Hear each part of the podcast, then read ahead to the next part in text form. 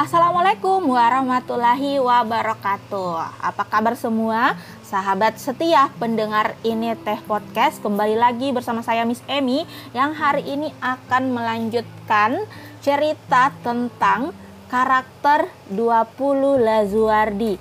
Nah, sekarang teman-teman kita udah masuk ke karakter 10 nih, yaitu kepercayaan dan kebenaran. Nah, yuk simak penjelasan di bawah ini. Kepercayaan dan kebenaran ibarat dua sisi mata uang yang tidak dapat dipisahkan antara keduanya. Orang yang akan mendapatkan kepercayaan tentu ia harus mampu berkata dan menjalani hidup dengan benar, sejalan antara kata dan perbuatan. Demikian halnya dengan orang yang selalu berkata benar, niscaya ia akan mendapatkan kepercayaan dari orang lain. Lazimnya, Berbicara tentang sebuah aset, orang akan merujuk pada aset-aset yang teraba, seperti misalnya uang, rumah, kendaraan, dan sebagainya. Namun, orang kerap abai pada aset-aset tak beraba yang justru sepanjang sejarah peradaban umat manusia telah membuktikan dirinya sebagai begitu pentingnya. Salah satunya adalah kepercayaan. Rasulullah Shallallahu Alaihi Wasallam merupakan salah satu figur yang memiliki kepercayaan dan kejujuran yang sangat tinggi, teman-teman. Bagaimana tidak, kepercayaan tersebut bahkan diberikan oleh musuh-musuhnya yang mengakui kejujuran beliau. Sehingga beliau mendapatkan predikat al-amin yang artinya terpercaya. Nah, mengapa Rasulullah dipercaya dan dicintai? Itu bukan hanya karena Allah Subhanahu wa taala yang membuka hati mereka untuk percaya, tetapi karena akhlak Rasulullah yang menarik kepercayaan dan kecintaan mereka.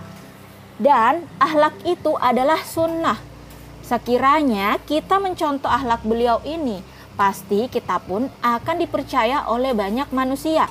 Rasulullah tidak memiliki latar belakang sebagai orang yang kaya, teman-teman. Sejak kecil ia telah menjadi yatim piatu tetapi mengapa begitu besar kepercayaan orang-orang saat itu? Tidak lain karena kemuliaan ahlaknya. Dengan modal inilah Rasulullah mampu menarik hati seorang wanita mulia yang kemudian menjadi istrinya yaitu Hadijah Al-Kubra. Saat itulah dimulainya kesuksesan beliau saat dipercaya memimpin kafilah perdagangan ke Syam atau Syria. Kepercayaan adalah modal utama dalam hidup seseorang dipercaya akan selalu mendapatkan kemudahan hidup. Karena pada saat mendapatkan masalah orang lain akan berbondong-bondong datang membantu. Akan tetapi jika kepercayaan itu sudah tidak ada lagi, maka jangankan membantu, untuk dekat pun orang akan merasa takut, takut tertipu, takut mendapat masalah, takut dirugikan, bahkan takut akan keselamatan dirinya Itulah gambaran pentingnya sebuah kepercayaan. Nah, betapa pentingnya sebuah kepercayaan, suatu hubungan yang kokoh dan harmonis dibangun dan dilandasi oleh sikap saling percaya. Kepercayaan merupakan kunci suatu relasi dan kemitraan, baik dalam bisnis, karir, persahabatan, keluarga, bahkan kehidupan berbangsa dan bernegara. Hai orang-orang yang beriman, Janganlah kamu mengkhianati Allah dan Rasul-Nya dan janganlah kamu mengkhianati amanah-amanah yang dipercayakan kepadamu sedangkan kamu mengetahui surah Al-Anfa'at ayat 27 tidak sempurna iman seorang yang tidak amanah dan tidak sempurna agama seseorang yang tidak menunaikan janji. Hadis riwayat Ahmad. Kepercayaan tidak dapat diperjualbelikan, melainkan dibangun dan dipelihara dengan baik. Jangan sekali-kali kita merusak kepercayaan karena sekali kita tidak percaya atau tidak dipercaya, maka kepercayaan tersebut akan sulit untuk kembali bahkan hilang untuk selamanya. Trust is like a vase. Once it's broken, tough you can fix it fast will never be some again.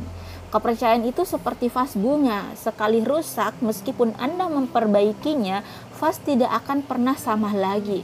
Lalu apa yang dapat kita lakukan untuk menanamkan nilai trust and trust pada siswa-siswi kita? Kepercayaan dapat dibangun mulai dari skala kecil yaitu dimulai dari rumah dan sekolah dengan mensinergikan program sekolah dan di rumah. Insya Allah siswa-siswi kita akan menjadi pribadi yang memiliki rasa kepercayaan dan kejujuran yang tinggi. Nah, itulah tadi ulasan terkait karakter ke-10 dari 20 paradigma Lazuardi, yaitu kepercayaan dan kejujuran.